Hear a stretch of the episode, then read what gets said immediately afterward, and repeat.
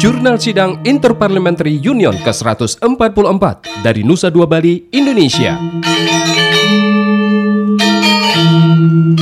Sidang Interparliamentary Union IPU ke-144 resmi dibuka oleh Presiden Republik Indonesia Joko Widodo di Bali International Convention Center Nusa Dua minggu kemarin. Negara-negara anggota IPU bisa memobilisasi bersama-sama dengan pemerintah sehingga muncul sebuah keputusan, muncul sebuah aksi Presiden Republik Indonesia Joko Widodo membuka sidang Majelis Uni Antar Parlemen ke-144 semalam. Event yang berlangsung lima hari tanggal 20 sampai 24 Maret 2022 ini dihadiri 1000 delegasi dan 33 ketua parlemen dari 115 negara.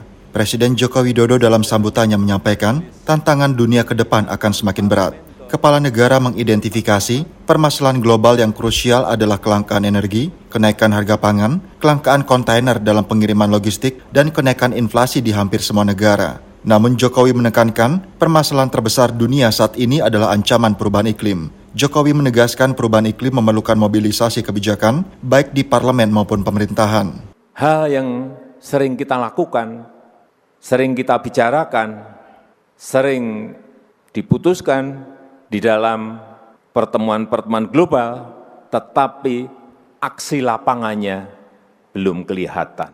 Jokowi mengakui konversi energi ke renewable energy belum menunjukkan signifikansi di negara berkembang.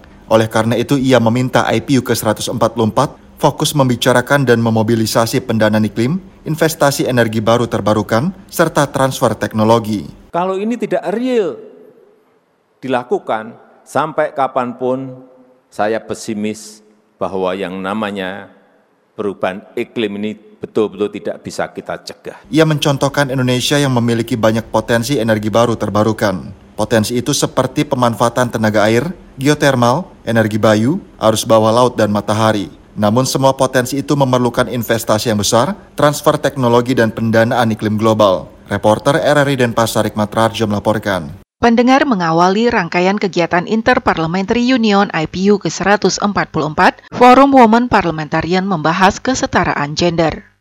Peran perempuan menjadi penggerak dan aktivis dalam pengurangan Ketua Dewan Perwakilan Rakyat Republik Indonesia Puan Maharani mengatakan, Indonesia selalu berupaya mempromosikan kesetaraan gender pada setiap kesempatan. Berbagai capaian telah diraih.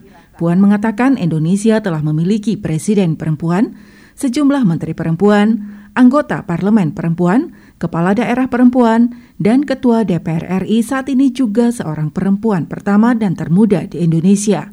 Dikatakan saat ini DPR RI sedang memperkuat legislasi yang memberikan perlindungan kepada perempuan dan anak melalui rancangan undang-undang tindak pidana kekerasan seksual. Hal ini diharapkan memberikan pencegahan dan perlindungan terhadap korban kekerasan seksual, serta negara selalu hadir untuk para korban. Puan Maharani memastikan negara selalu hadir untuk para korban kekerasan seksual.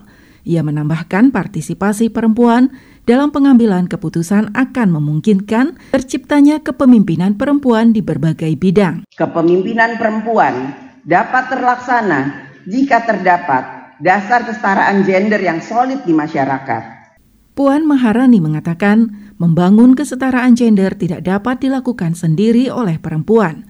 Dibutuhkan kemitraan dan dukungan dari laki-laki.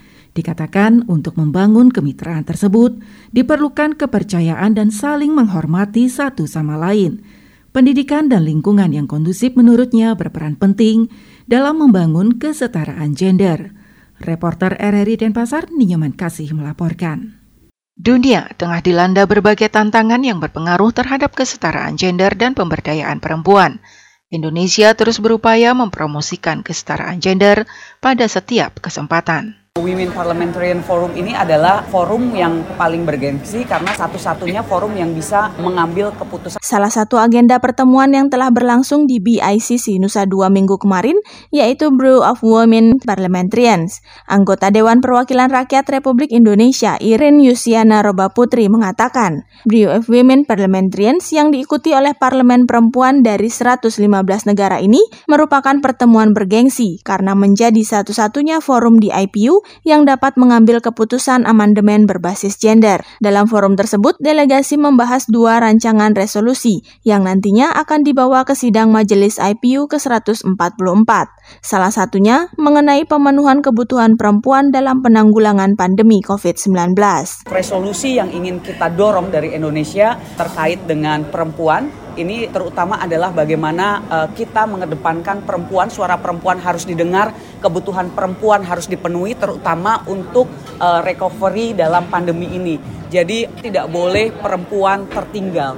Jadi prinsip dari SDG salah satunya adalah no one left behind. Irin selaku pemimpin sidang dalam Women Parliamentarians menambahkan, Indonesia memiliki banyak contoh sukses terkait masalah gender. Adanya pembahasan rancangan undang-undang tindak pidana kekerasan seksual ini juga menjadi langkah yang sangat diapresiasi oleh forum terutama karena mereka melihat bahwa ini permasalahan yang terjadi dan harus segera diisi kekosongan payung hukumnya gitu. Jadi mengajak juga secara global bahwa ini permasalahan yang harus kita hentikan segera. Ia lebih lanjut menyebutkan persoalan gender ini tidak hanya tugas parlemen perempuan, namun juga diharapkan dukungan dan keikutsertaan anggota parlemen laki-laki dalam pengambilan kebijakan berspektif gender.